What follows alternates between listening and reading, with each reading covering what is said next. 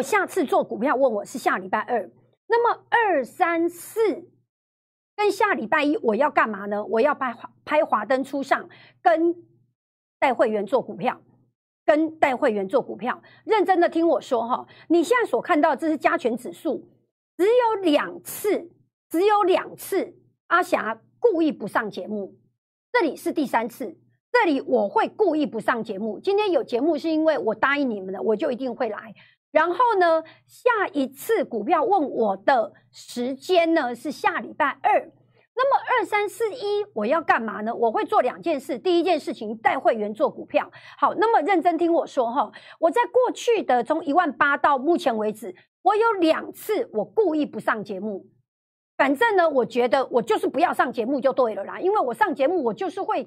把我的动作都讲出来，我就是不想讲啦，不爱供啦，所以我就不要，我就不要上节目。好了，第一次在哪里？在这里，信不信由你，反正我讲的就是真的。那么呢，第一次呢是我在这里，我觉得我一万八，我讲了你们也不爱听，对，然后我我讲了一天，真的我讲了一天。那那一天呢，我叫大家呃认赔杀钢铁，或者是你有钢铁的要走，这是真的，这是真的。在这里的时候。在这里，然后那时候我在放空钢铁了，然后呢，大家都觉得啊，你你跑了，你你怎么可以跑了？这样子，OK，好，那我就说，那拍谁？那我就不要做节目了，以免影响多头的判断。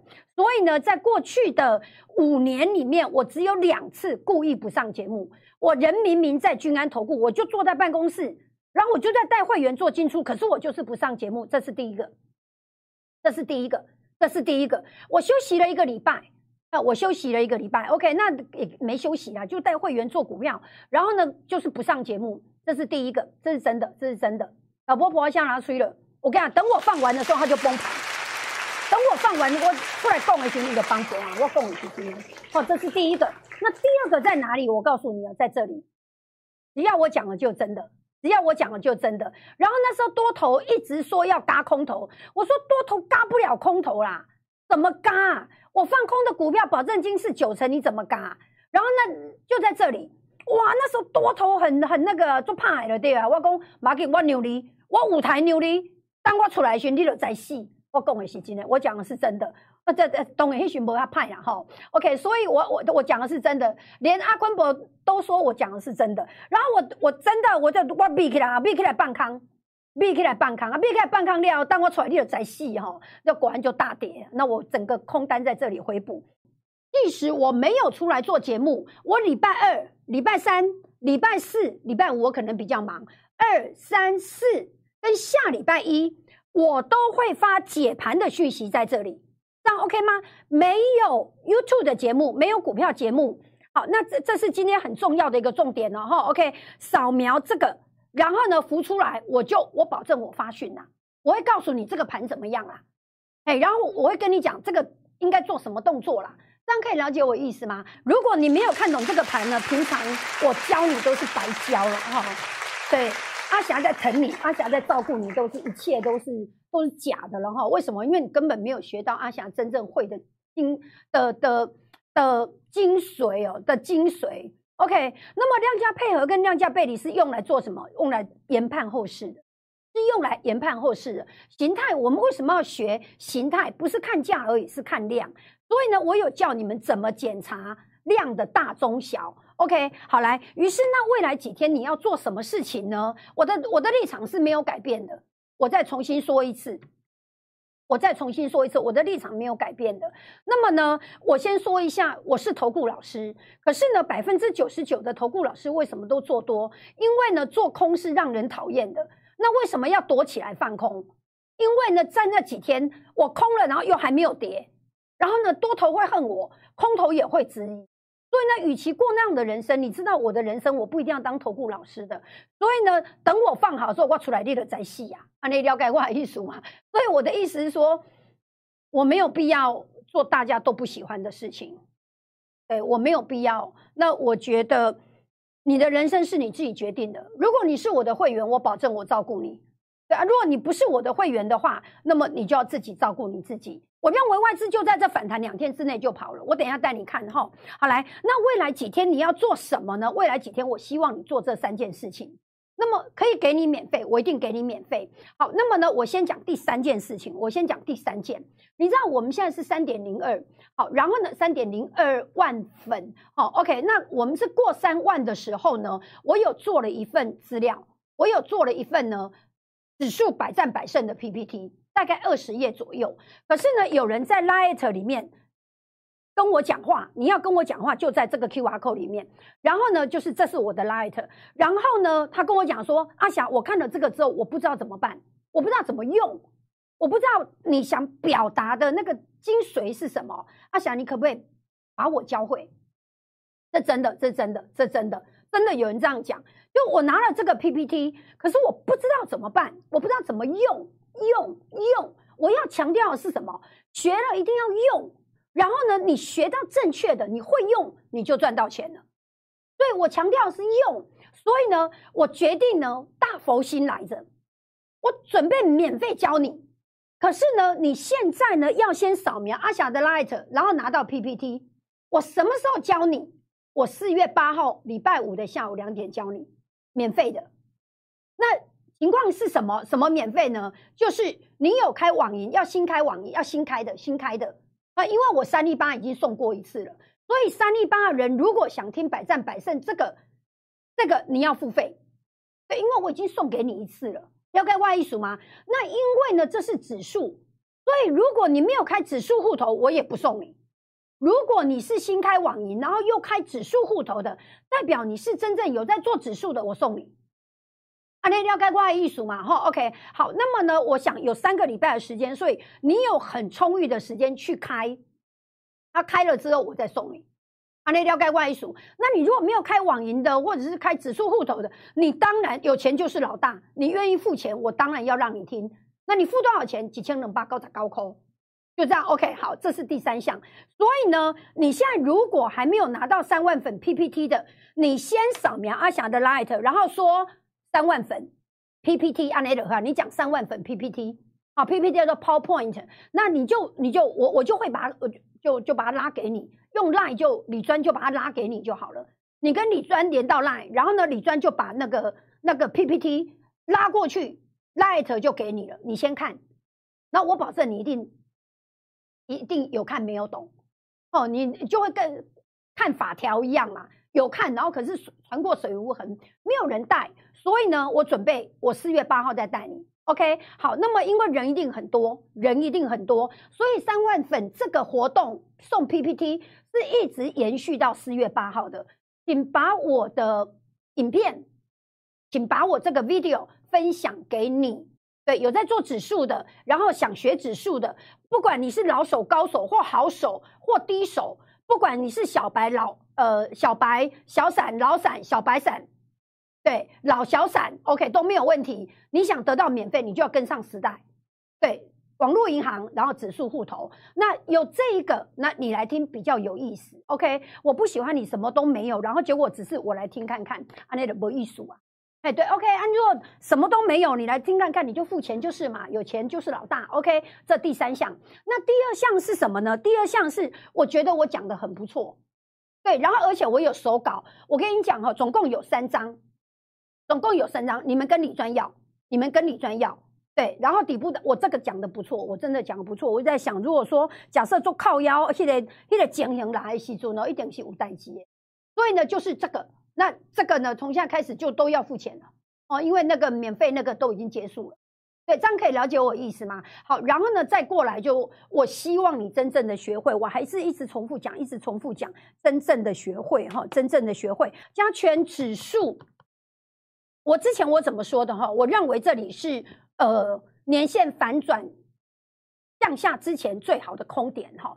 那那个最好的空点呢，是看着它的变化。那我的任务是找到最高点给你空下去哈。为什么？因为其实我一直讲，我讲几百次了哈。各位要听，就是我担心的叫做景气衰退。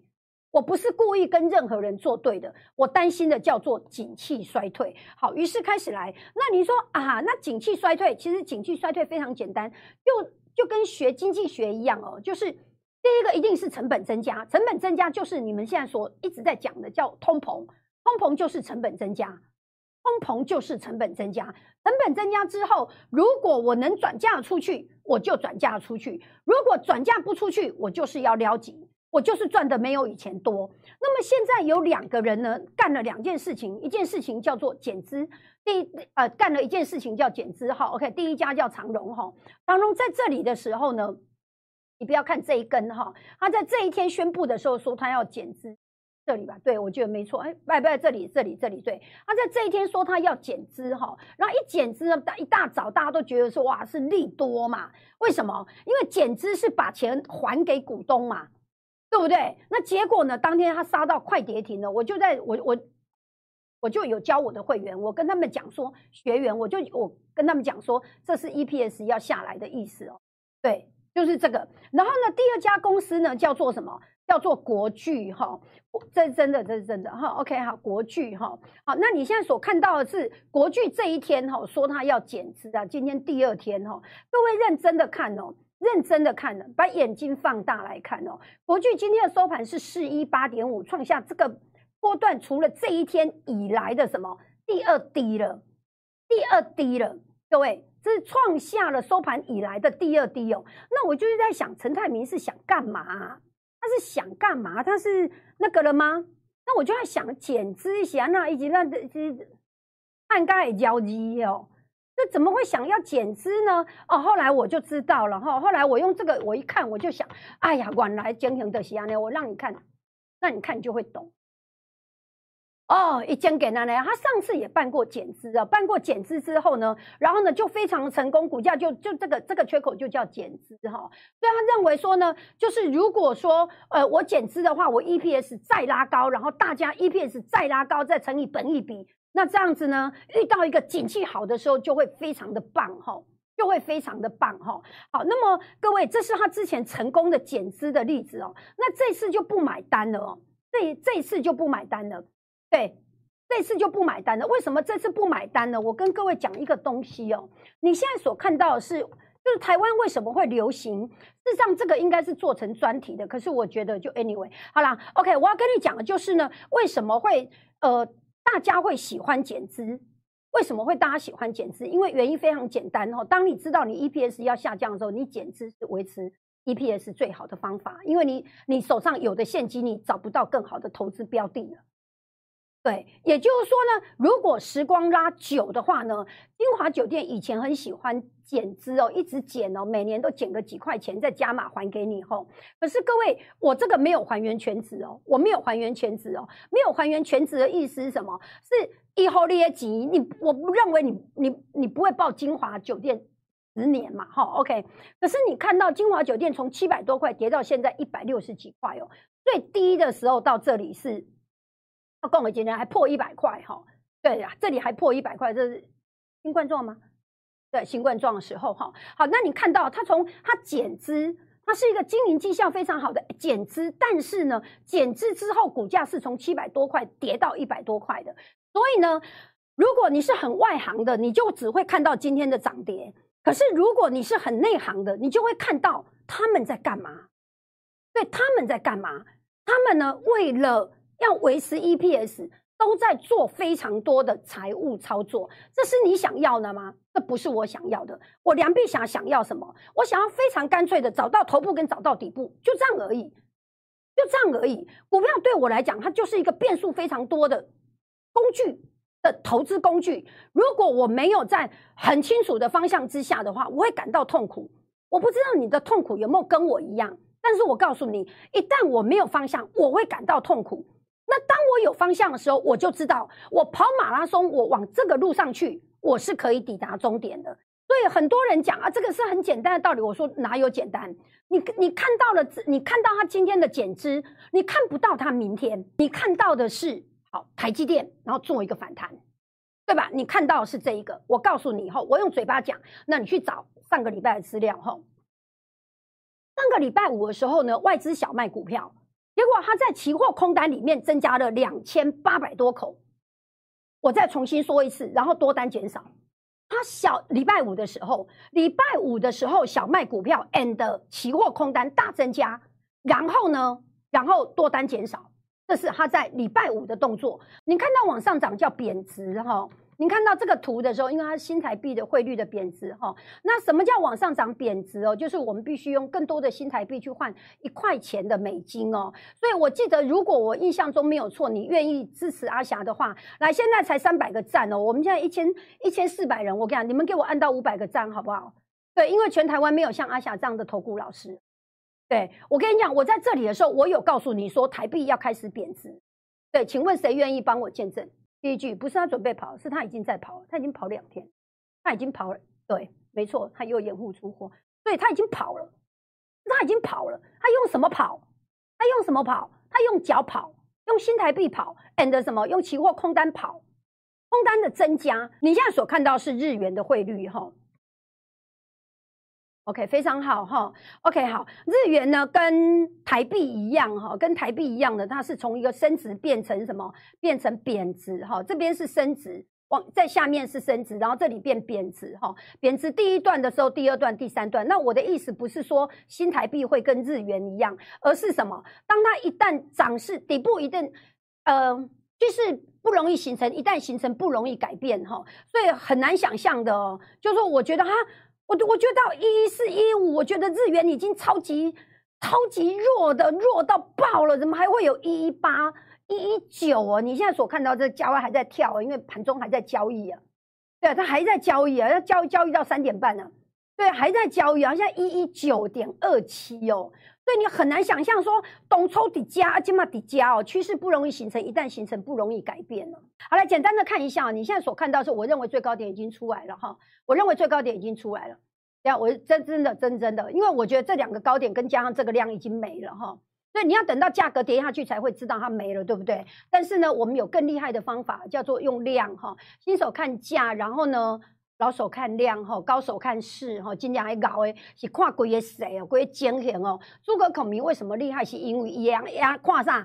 看东借东风，伊是看势吼，伊毋是看对方有偌济船啊，咱有偌济船啊，毋是哦，那个叫什么？那个叫量哦。啊价那个看量价，那高手怎么看势吼？所以呢，就是已经在这个介小，已经来你讲，他那个两个高点已经过了哈。各位亲爱，你可以了解我意思吗？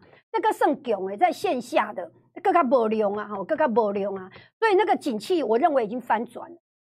我再重讲一次哦，这就为什么我说的，就景气的衰退，嘿，那个那个叫叫做 g i n k y 啦 g i n k y 这不是 EPS 的问题，EPS 你一百六十三块，他配给你两块，你很爽吗？他配给你十，他配给你二十块，你很爽吗？啊，一天跌停就可以跌十六块，所以你要的不是 EPS，你要的是什么？你要的是真正的未来。那我认为以这样的成交量是没有未来的，因为这个怎么已经什么已经是一这个这个二十年来最大量都已经耗尽了哈，所以套牢人你要自己小心哈。那我要讲的什么？外资从门后跑，它门后跑，这是跑的不是航运跟跟那个而已啊。例如说，我举个例子好了，例如说像新复发哈，不好意思，因为它刚好是龙头，我们来讲一些，来讲一点那个哈，它杀下去之后，and 什么，and 呢？今天收盘是最低哈，并并没有反弹。你说这个不重要吗？这个很重要哈。为什么？因为打房会不会打死人哦？让怕死了，从土建龙开始怕哈啊，对啊，开始怕，所以你快掉哎，这这这不是开玩笑的。当然，我们希望一个公平正义的房价。可是问题是，对于那些有钱的人来讲，他们是你知道法国总统马克宏对他做了什么事？他做了什么事？他减少盈利事业所得税，哈，跟减少了富人税，哈。所以呢？就是让有钱人留下来，让大家有钱赚哦，这是大家都可以共同思考的。你现在所看到的是什么？这华固哈，这个这么大一个量，这是什么量啊？这是咩挖哥啊？你说看到这种量，外资又已经卖那么多，就是底吗？还不是底哦。我随便带你来看，来给我五百个赞美哈，五百个赞了哈。好来，你现在所看到的是大力光，大力光今天盘中破两千哦。破两千哦，那亲爱的，我知道你一定很希望它是底部哈，可是我随便找两个股票给你看，你就会你就会怕哈。怎么样怕呢？当初在这里的时候也很希望这里是底部哈，结果不是，结果不是哦，结果不是底部哈，它都就是那这个很希望它是底部哦，结果它不是哦，因为这里是一百二、一百三，现在在这里是什么？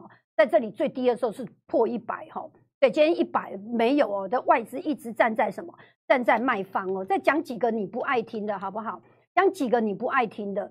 对，因为大家都很希望它应该这样是底部了，这样是底部了，这样是底部了，结果不是哈。外资是什么？是不要就是不要，我不爱你，我就是不爱你，OK？所以呢，华灯初上这个是大家都要去看的。为什么？因为看一下，就是就是就有人这么傻哈，但是你看到就是不跟散户的傻是一样的嘛？傻逼那个尤里不是就是傻吗？你不是也就傻吗？就是傻嘛，就认为说什么跌那么低了怎么杀哦？那你不杀外资杀哦？你看在过去的三个月里面，台湾股民杀不下去，外资杀得下去。先看尾影呢，我们先看高价股哈。问那呃，可可以看的东西当然很多了哈。如果我有时间，我要带带慢看跌破季线之后的半年线，然后反弹，然后季线已经反压之后，对，然后在这里哈，这个跳空缺口有没有杀伤力？你要去想的是这件事情，越来越多的股票这么这么大一个跳空哈，而且什么？而且开始沿路下来，全部都大量。你有没有看到大量？你有看到不？哦，看到大量哈。那有没有办法回去哦？很难回得去哦。所以我用这样子的例子，我要告诉你说，再来一次哈。用你如果只是看，你如果敢那样一波，哎，啊，你要多搞一波哈，那这样就比较辛苦。为什么？因为你要看到是有越来越多的高价股，and 不是随便的。投机的小股票都是好的股票，慢慢的走向什么？慢慢的走向的往下跌的时候都是带量的，往下跌都带量的，往下跌都带量的。对，那这是一个整理的形态。对，那整理形态里面量缩量出决定方向了。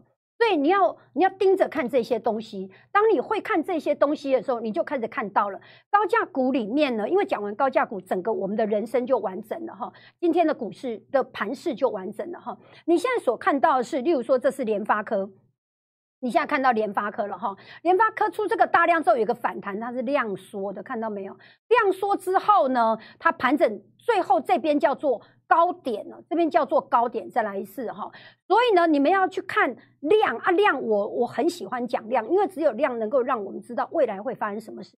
好，那么到目前为止的联发科有没有变成量价配合，并没有哈。这根是什么？当你看到反弹的时候，反弹就结束了。各位亲爱的，当你看到的时候，反弹就结束了。所以你啊哈啊，今天的收盘都还高于这个哈，对不起哈，你你需要把九看好前侧哈。今天的这个这一天的最高点是九百七十八哈，那今天已经没有什么，已经没有涨了哈。各位再重新看一次，把九点多路。哎，你你要别你你要演宝妈妈，宝妈妈是什么？哦，baby 呀，你要演 baby 啊？真的还假的？